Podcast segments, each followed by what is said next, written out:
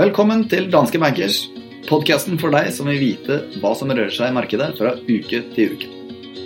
Mitt navn er Fredrik Ask Stensrud, og med meg som vanlig har jeg vår sjefstrateg Christian Lie. Velkommen, Christian. Takk.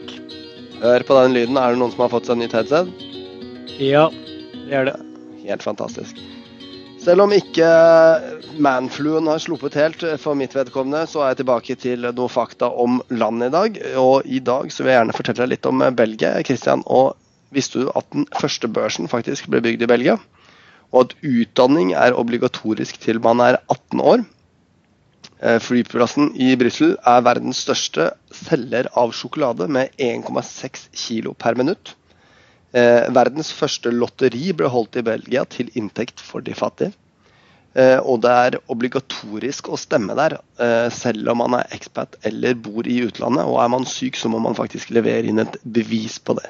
Og sist og ikke minst så kan jeg fortelle at byen Antwerp i Belgia er verdens diamanthovedstad. Så da vet du det, Kristian, og da lurer jeg bare på hva som har skjedd denne uken her. Det mange lurte på eh, helt sikkert, eller det mange lurer på, rett og slett, det er hva som i all verden har skjedd med oljeprisen.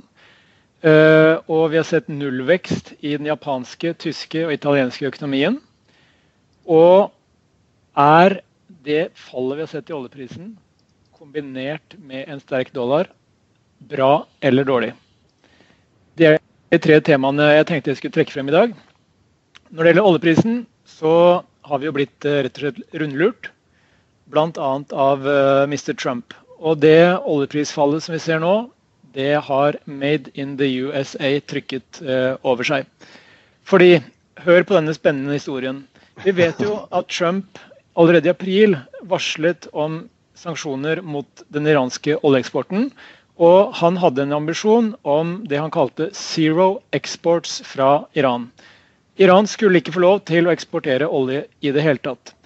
Og under denne trusselen så steg jo oljeprisen ganske kraftig, eh, opp til 86 dollar fatet på, på, det meste.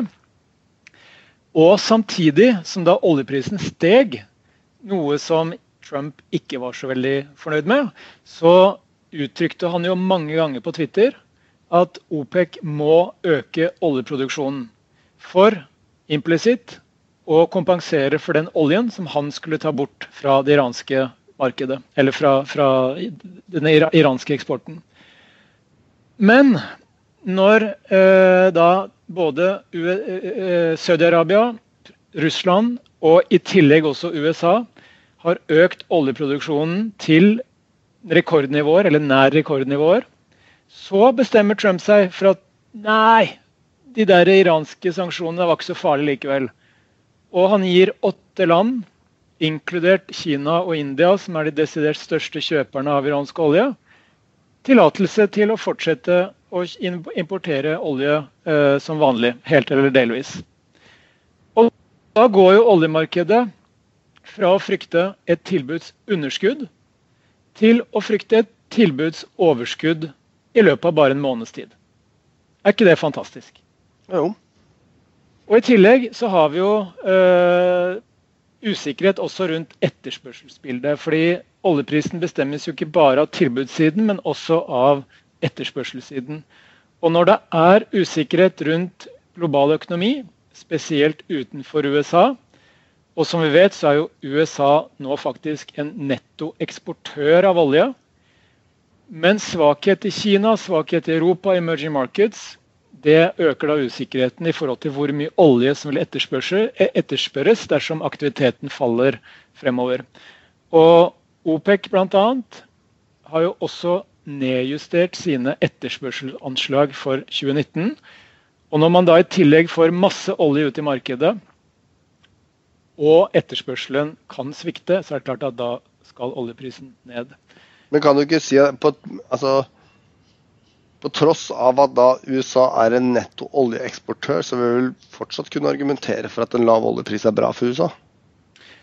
Ja, og det er det jeg kommer litt inn på. fordi at det vi er redd for i USA, det er jo at inflasjonen skal stige mer enn det den amerikanske sentralbanken er komfortabel med. Bl.a. som en følge av stramheten i arbeidsmarkedet og den stimulansen som Trump bidrar til gjennom finanspolitikken, til å gjøre arbeidsmarkedet enda strammere. Som igjen kan gi stigende lønnsvekst og høyere inflasjon. Men når vi da har kombinasjonen av en sterk dollar og lav oljepris, så vil for det første en sterk dollar bidra til å begrense den såkalte importerte inflasjonen. fordi når dollaren er sterk, så betaler jo amerikanerne relativt sett mindre for varer og tjenester i fremmed valuta. Og en lav oljepris kan bidra til å redusere inflasjonsforventningene frem i tid. Som igjen også kan gi Fed noe å tenke på. Så alt annet likt så har vi jo sett at de amerikanske rentene har falt noe tilbake. Og vedvarer denne situasjonen, så vil det kunne føre til at den økonomiske sykelen i USA, som er ekstremt viktig for verdensøkonomien og for aksjemarkedene, kanskje varer lenger enn det den ellers ville gjort dersom oljeprisen steg og var høy, og dermed førte til et ytterligere inflasjonspress i den amerikanske økonomien. Dersom vi ser på de økonomiske nøkkeltallene eh, som vi har fått den siste uken, spesielt eh, med tanke på Japan, Tyskland og Italia, så registrerte alle disse store økonomiene nullvekst i bruttonasjonalprodukt i tredje kvartal. Og Italia kjenner vi jo til er en bekymringsverdig økonomi på mange måter, det har vi jo snakket om tidligere. Men at Japan og Tyskland, som er henholdsvis verdens tredje og fjerde største økonomi, skal oppleve nullvekst, det tror jeg har bekymret mange. Og Da er jo spørsmålet er denne svekkelsen midlertidig, eller er det starten på rett og slett en mer synkronisert global økonomisk nedtur? Du var jo ute i media her denne uka her, faktisk, Kristian, og, og nevnte at uh, at Italia kunne representere en potensiell bombe. Klarer du å uh, redegjøre for det på en kort måte her? Ja, eh, nå avbryter du meg egentlig i mitt lange resonnement, men greit, jeg får svare på det du spør om. Du kan komme eh, tilbake til nullveksten etterpå. Kristian. Ok, tusen takk. Mm. Eh, når, det, når, det, gjelder Italia, så er jo det eh, den økonomien i EU med, med svakest økonomisk eh, vekst. Ikke bare nå i tredje kvartal, men generelt. Og Italia er også den eh, økonomien med nest høyest statsgjeld etter eh, Hellas. Og Grunnen til at eh, den italienske situasjonen nå med denne budsjettpolitikken osv. er en potensiell bombe, det er jo at jo svakere økonomisk vekst man har i Italia, desto mindre må statsrentene stige før også statsgjelden begynner å stige. Og på et eller annet tidspunkt så vil investorene kunne miste tilliten til den italienske statens evne og kanskje vilje til å, til å betjene gjelden sin. Og da vil man kunne få en eksistensiell krise på nytt.